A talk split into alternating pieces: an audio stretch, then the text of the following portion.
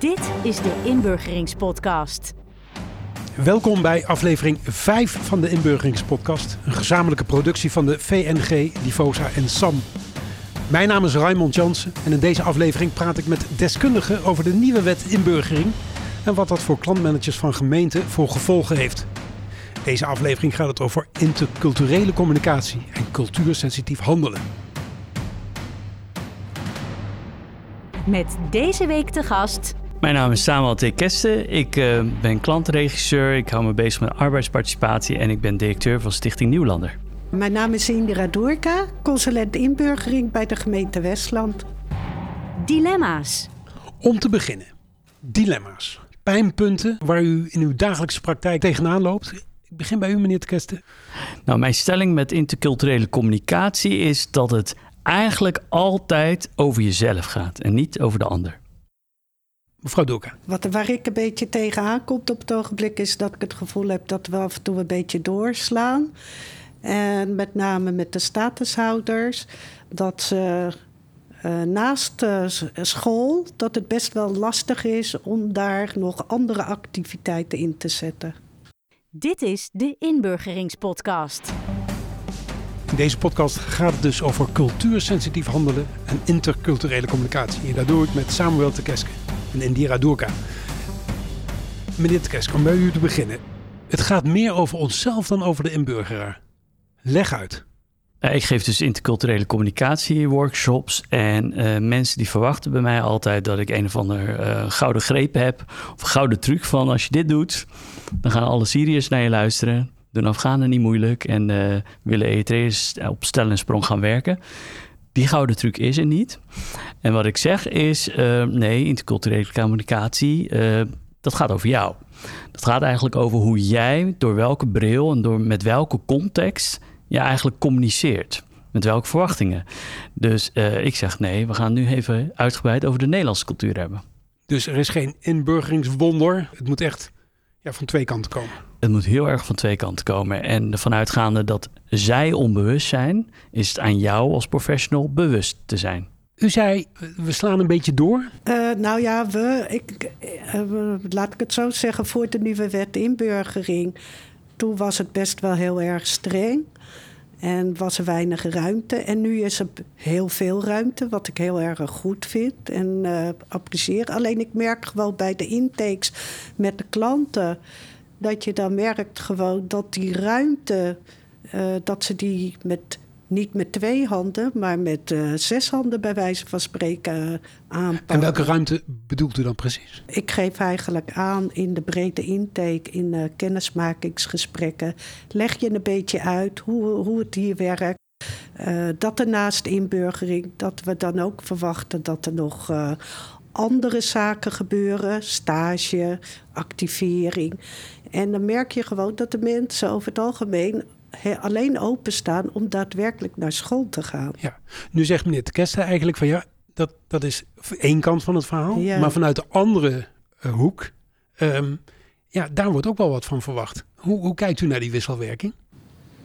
Nou, ik ben het wel helemaal mee eens. Wat eh, Samuel, wat hij zegt, daar ben ik het helemaal mee eens. Dat het ook vooral gaat om naar jezelf te kijken. Maar het- inderdaad, het komt van twee kanten. En dat vind ik met mijn klanten ook natuurlijk. Ja. Dus als wij als gemeente aangeven van nou wat we bieden, maar wat we ook verwachten, het moet ook van twee kanten komen. Ja. Dus ook niet alleen maar de, eh, wat jij in je hoofd hebt. Mevrouw Doeka geeft een voorbeeld van een gesprek zoals zij dat voert. Als u daar nou vanuit uw expertise naar luistert, wat, komt dan in u op?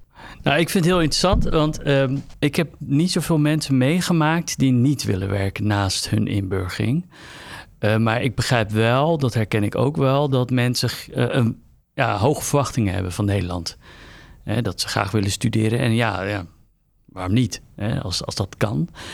Ehm, maar ehm, ik vind het ook een beetje, ja, en het is misschien een beetje de gemeente waar we in zitten. Eh, ik weet bijvoorbeeld van Naaldwijk. eh, ja, ik heb het idee dat die niet echt hele grote eh, keuzemogelijkheden hebben qua ontwikkeling, kansen. En juist heel erg op werk drukken, weet je wel. Je moet zo snel mogelijk werken. En wat doe je in Naaldwijk? Dan ga je in de kassen werken. En de vraag is of dat nou de droombaan is of het echte maximale potentiebenutting is van een gemiddelde nieuwkomer. Klopt dat? Nee. nee. Hoe is het wel? Nou, ik moet wel zeggen, met de WWB, zo was het wel. Ja. Maar de wet werken bijstand. Maar dat is, uh, daarom zeg ik ook, hè, een paar jaar geleden, dat was inderdaad hoe jij het zo kort door de bocht zegt. Zo was het wel, als je kan werken. Maar dat was ook een beetje landelijk. Het was niet alleen Westland. Alleen het voordeel van het Westland is, er is hier gewoon werk. Als je gezond van lijf en leden bent kan je bijna niet zonder werk zitten. Alleen het is niet het werk wat je wilt. En daar bedoel ik niet alleen voor statushouders, maar ook gewoon voor iedereen. Iedereen kan hier gewoon zijn brood verdienen. Alleen het is niet misschien je droombaan. Maar zo werkt het hier niet meer in de gemeente Westland. En we kijken echt wel, uh, als mensen willen studeren, kunnen ze net als jij en ik, kunnen ze als ze als ze eenmaal zijn ingeburgerd, kunnen ze altijd in de avonduren kunnen ze gaan werken. Alleen, het is niet altijd dat we mensen upgraden. Want het is een bijstandsuitkering.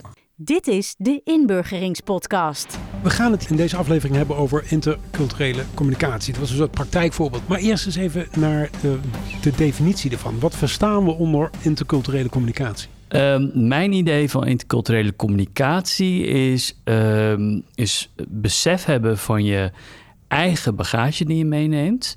En, uh, en begrip hebben voor wat voor bagage de ander meeneemt. En dat je elkaar eigenlijk uh, treft het hoeft niet per se halverwege, maar ergens wel, eh, weet je wel, dat je naar elkaar toe groeit in termen van, dit is hoe ik naar jou kijk en ik besef ook dat jij met een gekleurde bril naar mij kijkt. Dus besef van, ons, van elkaars culturele context. Twee kanten op. Twee, kant, twee kanten op, wederkerigheid, ja. Heb ik in mijn aankondiging ook nog cultuursensitief handelen genoemd? Ja. Probeer daar eens op mee te denken. Wat... Cultuursensitief werken is uh, dat je goed beseft dat uh, kleine handelingen uh, grote interpretatieverschillen kunnen hebben. Noem eens een voorbeeld. Ja, het klassieke voorbeeld uh, bij, laat zeggen, en dan hebben we het meestal over niet-westerse migranten, is, uh, is lichaamshouding. Ehm, dus dat wij in Nederland direct oogcontact, ferme handdruk, luide stem, uitingen van assertiviteit, dat zien wij als krachtig als gemotiveerd, weet je wel. En in andere landen wordt dat vaak als brutaal eh, gezien. Hè? En eigenlijk onbeschoft soms. Of uh, geen respect voor je, voor je meerdere. En, en daar zit vaak echt wel... Uh, de, dat is een, gewoon vaak een grote bron van misverstand. Ja. Nu spreekt u nieuwkomers, ook vanuit uw trainingsachtergrond. Um, ik kan me voorstellen dat er meer bij komt kijken dan tegen hen zeggen je kunt hier best met een stevige stem spreken en je kunt iemand best een stevige handdruk geven. Dat is denk ik niet in één middag geregeld. Nee, Nee, want uh, kijk, het punt is uh, dan als je het over die interculturele communicatie hebt, is dat je vooral uitlegt waar dat vandaan komt ja. en waar die waarde. Hè, dus wij leggen veel waarde in, in Nederland leggen wij bijvoorbeeld heel veel waarde aan op tijd komen. Ja. Daar zit een hele, er zit, er zit een waardenorm achter als je het over cultuur hebt. Dat, uh, uiteindelijk gaat het over welke set van normen en waarden heb je. En dat uitzicht dan in bepaalde rituelen en handelingen. Uh, maar wij vinden het heel belangrijk om op tijd te komen, want wij hangen de waarde respect daaraan. Ja. En, maar dat is in heel veel culturen niet zo. Die hebben heel die connectie niet met respect. Dus die denken, ja, wat is nou zo moeilijk als ik tien minuten later kom? Ja. Sterker nog, in het voorgesprek zei u tegen mij... in Nederland betekent op tijd komen te vroeg komen. Ja, dat is, dus, dat is dan hoe je het uitlegt. Dat is dus dat cultuursensitief werken. Als je, ik kan wel tegen iemand zeggen... ja, je moet op tijd komen. En gaat hij daar altijd moeite mee hebben. Ja. Maar als ik dan zeg, ja, maar in Nederland... daar zit de, truc is op tijd komen, is eigenlijk te vroeg komen. Want je houdt rekening met tegenvallen, weet je wel, tegenvallers onderweg. En in Nederland houden we je daar verantwoordelijk voor. Dan zeggen we, ja, boeien dat de bus te laat is. Jij had daar rekening mee moeten houden. En dan zeggen maar als je daar altijd rekening mee houdt, ben je altijd vroeg. Ik kijk naar u. Stel, u heeft een afspraak om tien uur met een nieuwkomer. En hij komt om half elf aan. Wat zegt u dan? Ik zeg dan, goh, ik maakte me ongerust. Ik dacht dat er al wat was, weet je, was gebeurd. Waar Ja. ben je gebleven? Ja, ik maak het bruggetje, maar het voorbeeld vind ik wel treffend. Hoe kijkt u in uw praktijk naar dit soort eh, voorbeelden? Ja, nou ja, ook eh, ja, bij ons maken we dit mee. Alleen uh, vaak werkt het wel als ik dan tegen ze zeg over het algemeen... of ze gaan naar de moskee of ze gaan naar de kerk. En dan zeg ik altijd... maar als jij naar het gebed gaat, kom je dan ook te laat? Nee, nou dan valt het kwartje. Want dan zeg ik van ja, maar als je bij uh, de moskee op tijd komt... dan verwacht ik dat je bij ons ook op tijd komt. Ja, wat is dan de reactie? Ja, 9 van de 10 keer werkt het wel, komen ze niet meer te laat. Ja, klinkt als een heel praktische oplossing. Dat is precies dezelfde manier, hè? Al is het vanuit hun gereden. Dus dat je eigenlijk zegt: kijk wat jij belangrijk vindt. En, en, weet je, en welke beslissing neem je daar dan op? En dat vind ik wel een goed sterk voorbeeld. Ik heb het zelf nog nooit zo bedacht, dus die ga ik ook gebruiken. Dankjewel. Maar inderdaad, het gaat vaak over wat vind jij belangrijk. Nou geeft u die trainingen aan uh, zowel nieuwkomers, maar ook aan mensen die uh, in het veld werken. Ja. Um, wat zijn de belangrijkste lessen, bijvoorbeeld voor die laatste categorie? Nou, de, laatste les is, uh, is wat vind jij als klantregisseur bijvoorbeeld belangrijk? Hè, dus dat jij het zo belangrijk vindt dat iemand stipt op tijd is, dat zegt iets over jou. Ja. Dat zegt iets over welke norm je daaraan hangt. Uh, zoals ik net zei, in Nederland hangen wij daar het, uh, de norm respect aan. Dus als jij respect voor mij hebt, als jij respect voor mijn tijd hebt, dan kom je op tijd. Uh, maar je moet beseffen dat andere culturen dat niet hebben. Die hangen het dus dan heeft het geen zin om daar beledigd over te zijn.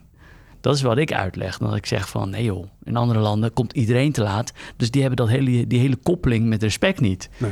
He, dus besef dat. En wees gewoon, net als dat moskee-voorbeeld van Indira, dat je zegt: Weet je wat, ik zeg gewoon tegen jou half tien. Terwijl het eigenlijk tien uur is. En zo leer ik jou op tijd komen. En dan ben je uh, allebei relaxed. Ja. Hè? Dan weet je zeker, ik ga me niet druk maken. En hij komt waarschijnlijk net precies om tien uur. mevrouw, mevrouw Doka, u draait al even mee. U bent echt wel door de wol geverfd in het vak. Um, door schade en schande wijs geworden misschien. Hè? Veel ervaring opgedaan. Dit klinkt eigenlijk heel voor de hand liggend. Um, hoe bent u daarachter gekomen, dit soort inzichten? Ja, eigenlijk uh, kan ik alleen maar beamen wat Samuel zegt. Ja, ik moet ook zelf zeggen, het gaat inderdaad ook om dat is, dat, eigenlijk is dat eigenlijk door de jaren heen van al mijn werk, als ik nu reflecteer ook altijd. Het gaat er inderdaad om hoe ben je zelf. Als dingen niet goed lopen, kijk ik altijd van hey, waar ligt het aan? En inderdaad, het ligt ook vaak van wat vind je zelf belangrijk. En, dat, en dan weet je ook op een gegeven moment als je dat van jezelf herkent, is het niet echt professioneel om dat dan bij, van de klant te verwachten voor mezelf weet ik gewoon bepaalde zaken inmiddels. Hè, als mensen te laat komen of dit of dat. Er kan ook altijd een, eh, een echt iets belangrijks erachter zitten. Heb ik ruimte in mijn agenda, dan is het op zich, ben ik flexibel genoeg. Maar soms heb je gewoon achter elkaar strak ingepland, is die ruimte er niet. Nou ja, dan moet er een nieuwe afspraak worden gemaakt.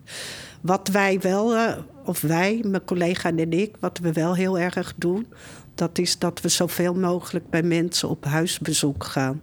En daarin merk je gewoon één.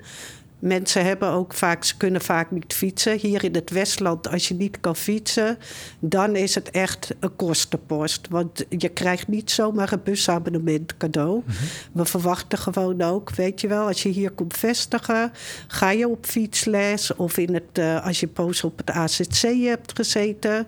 We proberen nu in die voorgesprekken, proberen we ook mensen te motiveren. Denk eraan, als er straks een woning is hier, hè, als je niet kan fietsen, probeer die tijd te benutten in het AZC.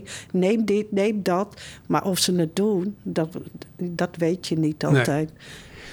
Mag, ik, mag ja, ik daar iets over zeggen? Dat vind ik wel mooi, hè? Dus die fiets. Uh, dus volgens mij is het uh, bij heel veel gemeentes, als het uh, korter dan 5 kilometer is, ja. dan moet je gewoon fietsen. Ja, toch? Klopt. Daarboven krijg je dan een reiskostenvergoeding. Um, en dat vind ik mooi, want bijvoorbeeld in heel veel landen is fietsen, en dan hoeven we niet eens buiten Europa te gaan, is levensgevaarlijk. Hè, wij hebben in Nederland fietspaden, is allemaal zo keurig geregeld. Uh, maar dus mensen zijn helemaal niet gewend om op de fiets naar werk te gaan. En dan het is voor hun een cultuurshock, hè? En dan voelen ze zich een soort van geforceerd. En dan denk je, ja, maar als het regent, wat moet ik dan doen? Weet je wel? Ja, ja. dan ga je ook fietsen in. Ja, dan word je nat. ja. Weer een regenpak voor, weet je wel? Ja.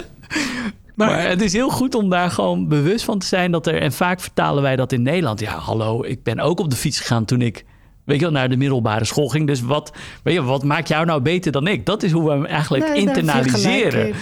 Alleen dan moeten we beseffen, ja, maar die gast is eigenlijk nooit op de fiets ergens heen gegaan.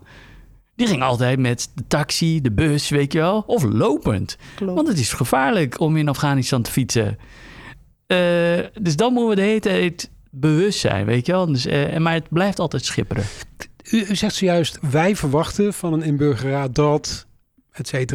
Dat verwachtingspatroon, dat is natuurlijk wel geschoeid op een Nederlandse leest.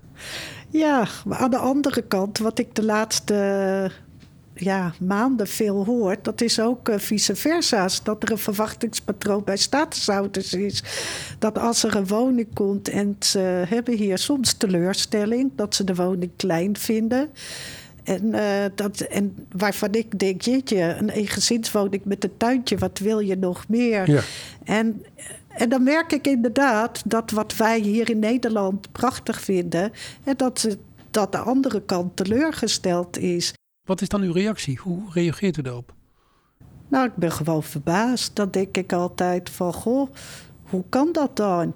En als je dan hoort dat ze dan eigenlijk denken van... ja, weet je wel, de, die tuin, dat vinden zij eigenlijk maar... eh, want dan denk ik eigenlijk van, je kan lekker barbecuen, je kan buiten zitten... beter dan een balkonnetje op een flatje. Maar dan merk je dat sommigen liever die flat hadden... En dan denk je, weet je wat de meeste mensen droom van hier in Nederland is een huis met een tuintje. En dan heb je weer mensen die juist gelijksvloers en een balkonnetje willen. Ja, mooi hè? Ja, Nederlandse droom. Een doorzonwoning voor een achtertuin, hond, anderhalf kind. Ja, nee, maar dat is... Ja, en in heel veel landen denken ze... Ja, zonde van die ruimte, joh, van die grond. Dat had je nog kunnen volbouwen. Had je het huis groter kunnen... Dat zei mijn vader altijd. Die zei, wat heb ik nou aan zo'n joekel van een tuin? Waarom had ze het huis niet uitgebreid? Weet je wel, die had iets van... Waarom zo'n huis en dan zo'n enorme lap barbecuen in grond? de tuin. Ja, scheid aan die barbecue. Maar de meesten willen allemaal barbecuen. Ja, ja, dat, ja, in Nederland willen ze dat. Ja, maar dan doen ze, Syrische mensen ja, die doen dat in, in het park. Dat vinden ze leuk. Dat zie je ook heel veel in Nederland. Hè. Turkse Ja, mensen die gaan liever Als in je in het Den park. Haag woont, in het Zuiderpark, maar in Ja. het Westland, waar moet je hier barbecuen? Ja, maar dit is dus leuk. Dus dat je de hele tijd enorme verschil van perceptie Ja, hebt. klopt. Ja, en eh, mag ik er iets af? Eh, want kijk, ik, ik, ik pleit hier nou niet dat wij precies moeten doen wat nieuwkomers zeggen. We hebben ook gewoon te maken met beperkingen. Eh, en sommige, ja, zij moeten zich ook aanpassen. Dat is niet wat ik zeg. Ik zeg alleen, het is wel leuk en handig in je werk om te begrijpen waar komt dat vandaan. En dan kun je nog steeds zeggen, ja prima dat jij dat op die manier denkt. Ja. Maar we gaan wel mijn lijn volgen. Of we gaan wel de gemeentelijn volgen. Ja, maar dan weet ik wel waar jij vandaan komt. En dan neem ik het ook niet persoonlijk. Want dat zie je vaak in Nederland. Dat we het- en dan gaan we er ineens, dan gaan we over de andere boeg. Dan zeggen we, jullie moeten je aanpassen. Jij bent hier te gast, je. Dan gaan we die tour op. Nou, en daar moet je van wegblijven. Precies, Ja. want da- daar wilde Ja. ik eens op door. Want er is natuurlijk een beeld Ja. in dit land dat wij eh, zeggen... ehm, je bent hier nieuw, je bent hier te gast, je doet het maar zoals wij dat willen.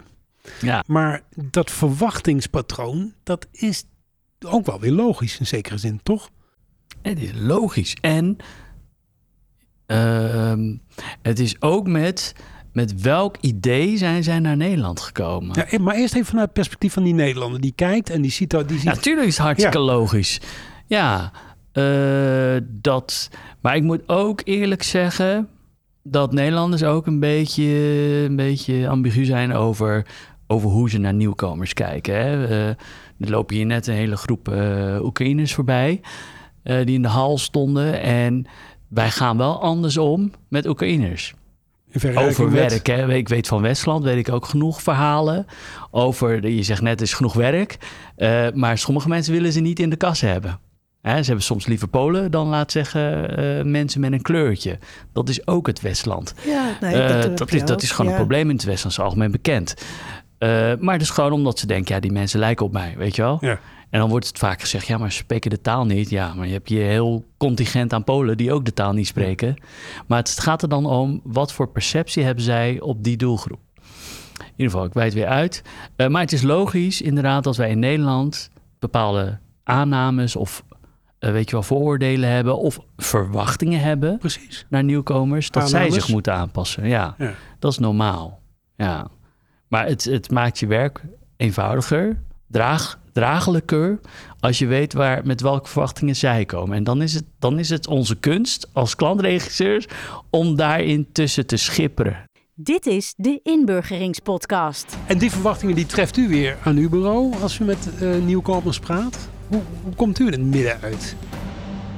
Nou, ik probeer zo praktisch mogelijk te zijn. Ik wil niet in hokjes denken. Dus ook niet, ik vind het ook eigenlijk niet zo uh, fijn als ik dan specifiek over het Westland word genoemd. Ik weet dat er een aantal werkgevers zijn die hebben een bepaalde keuze met wie ze willen werken. Maar daarentegen zeg ik ook, ik ken heel veel bedrijven die juist wel met de nieuwe Nederlanders willen werken. Dus vandaar dat ik het ook denk van, het komt dan dus zo naar. Een gevoelig puntje als medewerker van gemeente Westland. Maar nu moet ik wel zeggen, wat ik nu probeer als ik naar de statushouders kijk, dat is als ik zo praktisch mogelijk mijn werk doe. Kijk wat er vaak is met Arabische mensen, die willen heel graag een auto bijvoorbeeld. Maar als je een uitkering hebt, dan weet je eigenlijk al bijna zeker dat je op iets anders moet gaan bezuinigen. Hm. En je wilt wel voorkomen dat mensen in de schulden raken. En ik merk ook dat bepaalde mensen waarvan je al kan voorspellen het is misschien soms beter. Het is nu verplicht financieel ontzorgen bijvoorbeeld. Maar het, is best moeilijk voor sommige mensen om dat te accepteren. En net als dat die mensen toch een auto kopen, terwijl je weet je moet ook wegenbelasting betalen. Kan je dat wel. Nou ja, en dat zijn vaak die dilemma's waarvan ik denk, ja, het zijn volwassen mensen. Ik kan ze niet aan hun handje houden. Maar je, voorspel, je voorziet al dat er bepaalde dingen, dat dat dan niet gaat gebeuren. Maar dat, dat, dat vertelt u ze ook, neem ik aan? Ja. Hoe is dan die reactie? Nou, in eerste instantie uh, uh, is het luisteren ja, en vervolgens toch doen wat ze in je hoofd hebt.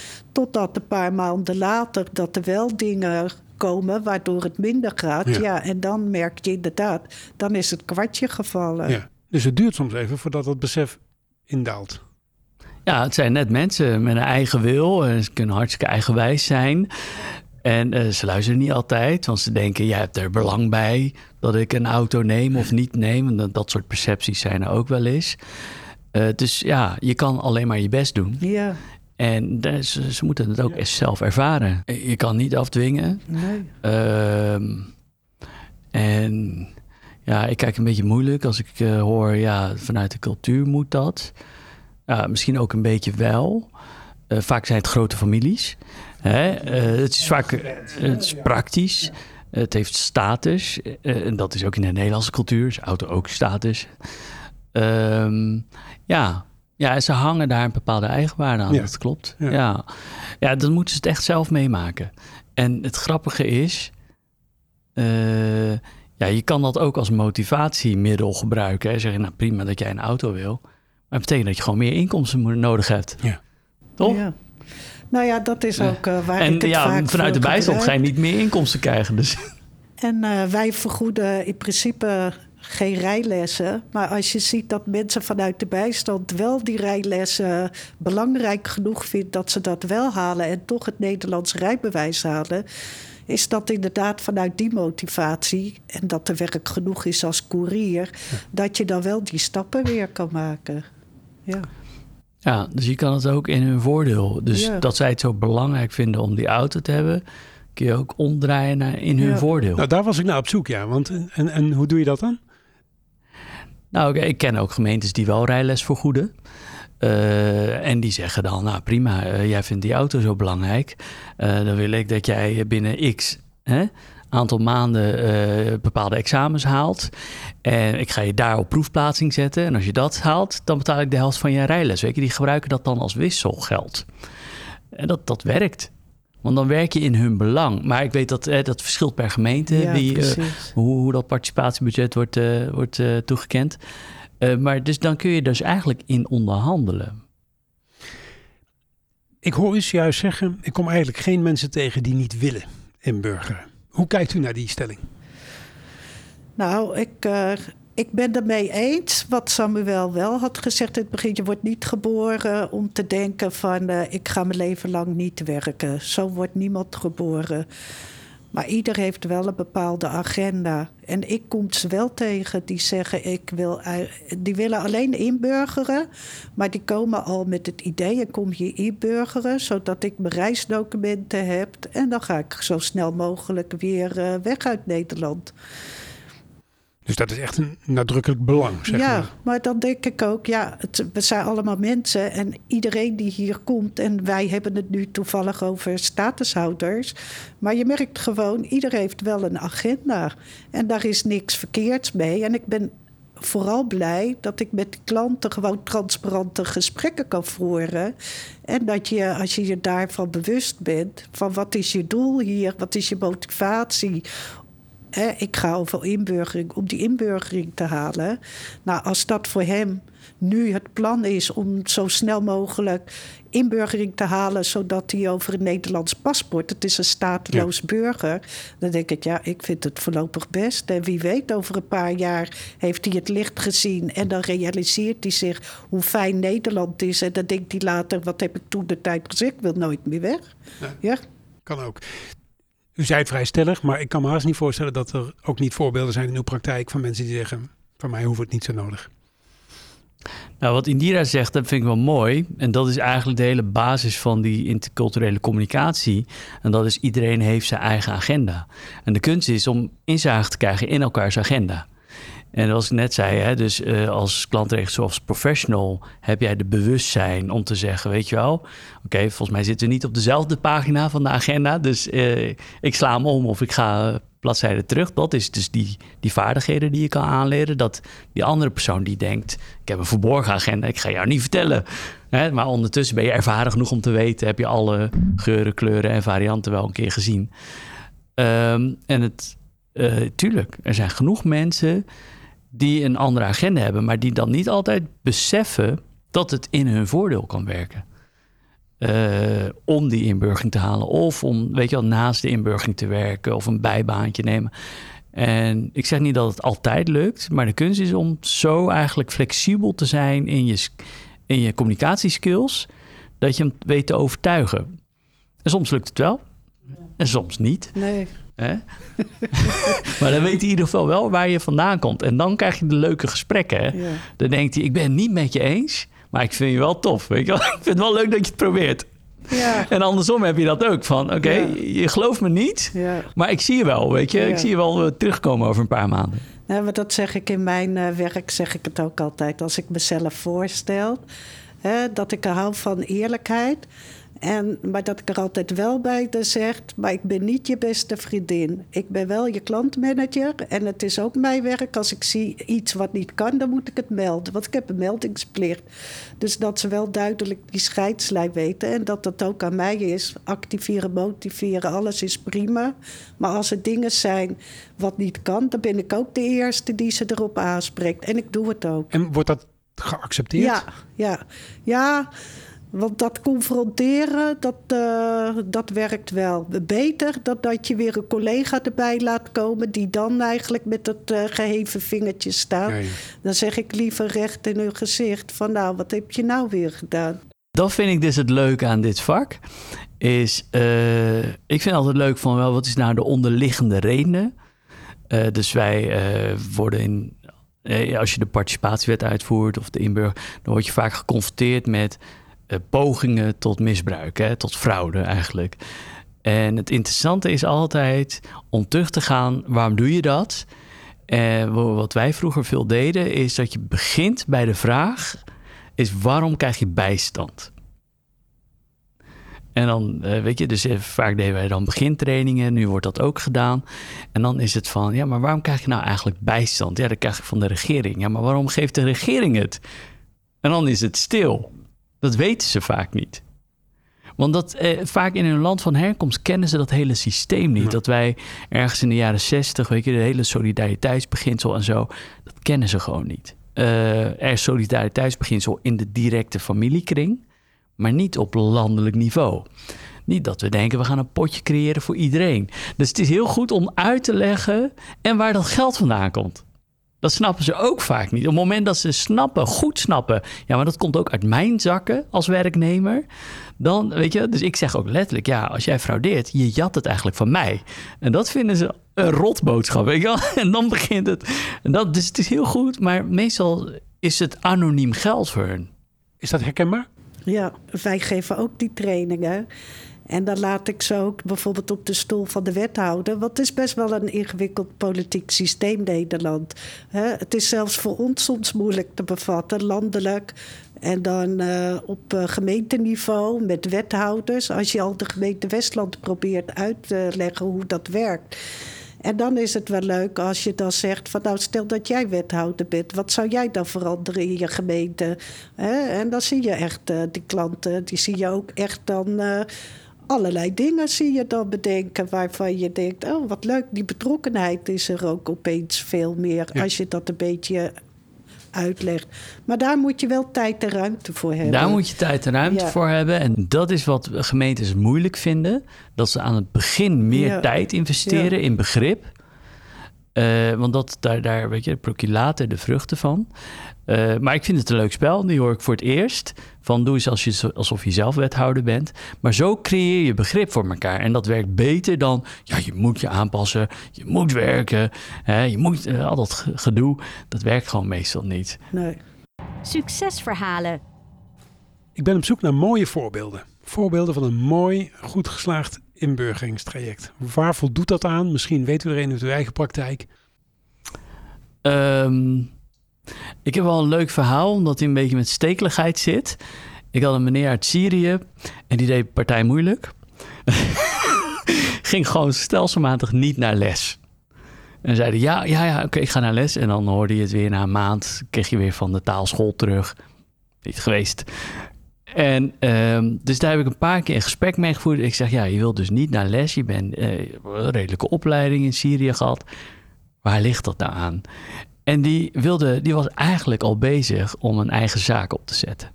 En ik had al een beetje de indruk, die man is een beetje zwart aan het werken. Die, is eigenlijk, die ging gewoon niet naar les, omdat hij aan het bijbeunen was. En dan kun je daar al op twee manieren mee omgaan als klantregisseur. Je kan de wet volgen, handhaving erop zetten, heel die meuk. Um, nou, uh, goed dat ik niet meer bij die gemeente zit, want dat moet je eigenlijk doen. Hè? Op het moment dat je die informatie hebt of denkt, dan moet je het doen. Heb ik niet gedaan. En ik heb gezegd, luister, ik denk dat jij dit aan het doen bent. Ik kan daar twee manieren mee omgaan. Hè? Of jij gaat je inburgering afmaken, want jij bent blijkbaar vergeten als jij uh, tegels zette, omdat die wilde die worden. Ja. Tegels zetten, daar heb je een rits aan vergunningen nodig. Ik, ik heb hem gewoon helemaal uitgelegd hoe kun je succesvol tegelzetter worden. En dan heb je gewoon, die taalles heb je, nou, heb je bepaalde papieren nodig. Dus ik zeg, het is alleen maar in je voordeel. Als jij dat, dat nou doet, dan regel ik voor jou een werkplek waar je echt leert tegel zetten. In plaats dat je nu een beetje zelf aan het rotzooien bent. En dan heb je een deal. Nou, daar heeft hij even over nagedacht. Hij dacht, oké, kies, kies of delen. En als je het niet doet, dan ga ik echt op je huid zitten. En dan heb je een probleem met mij. Dus ik gaf hem die keuze. Dus ik kan nu aardig tegen je zijn of je hebt de hel met mij. Nou, hij is even naar huis gegaan en hij is de volgende dag teruggekomen zeggen is goed. En hij heeft keurig zijn inburgering afgemaakt. Hij is stage gaan lopen en heeft nu gewoon een tegelzetbedrijf. Wat hij gewoon goed doet als ZZP'er. Nou, u heeft meldingsplicht, dus zo'n voorbeeld zou voor u niet, uh, niet werken. Die meldingsplicht had ik ook, hè, oh, trouwens. Oh, okay. ja, ja, ja, maar ik deed het gewoon niet. Weet u een voorbeeld?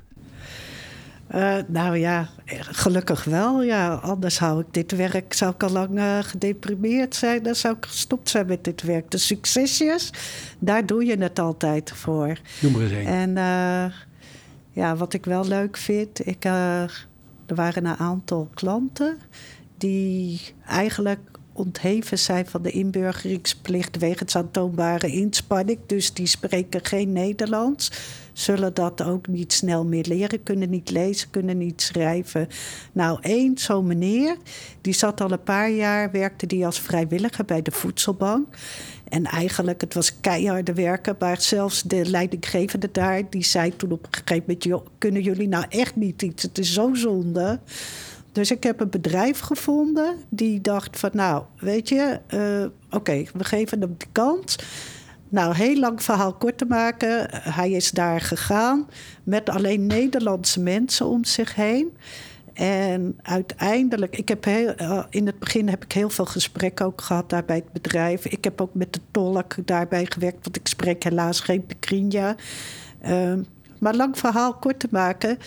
Het was zo'n harde werker die er altijd was, alles deed en uiteindelijk hebben ze hem een contract gegeven. Het voordeel van alles is dat zijn buurvrouw uh, zij tolkt nog steeds voor hem. En dat maakt op het moment als er op het werk dingen zijn waar ze niet uitkomen, kunnen ze altijd met haar bereiken. Maar ik vind dat zelf, als ik kijk over de afgelopen jaar, vind ik dit wel heel mooi. Dat zo iemand die niet de Nederlandse taal spreekt, niet kan lezen, niet kan schrijven, maar ook zo graag een betaalde baan wil, dat dat is gelukt. Prachtig. Ja. Helemaal tot slot. De luisteraar van deze podcast is klantmanager. Wat is een tip voor de luisteraar? Ja, ik blijf hem herhalen en dat is... Uh, we hadden vroeger, weet je wel, met een beter milieu begint bij jezelf. Uh, en ja, beter inburgeren begint bij jezelf. Dus uh, kijk vooral zelf heel erg welke, weet je, welke ideeën projecteer jij nou eigenlijk op je klant. En daar moet je jezelf eigenlijk van bevrijden. Als ik gezinnen met kinderen heb en de vader of de moeder uh, moeten stappen nemen, dan probeer ik ook altijd te zeggen: wat wil je je kind uh, strakjes wensen? meer vanuit het voorbeeld de rol naar die kinderen toe. Want vaak willen ze wel voor die kinderen allemaal het beste. Maar dan zullen ze zelf het eerste stap moeten zetten. Dit is de Inburgeringspodcast. En dit was aflevering 5 van de Inburgeringspodcast. Ik sprak met Samuel Tekeste en Indira Durga over wat hen bezighoudt met hun werk. Eerdere afleveringen zijn te beluisteren via de bekende platforms.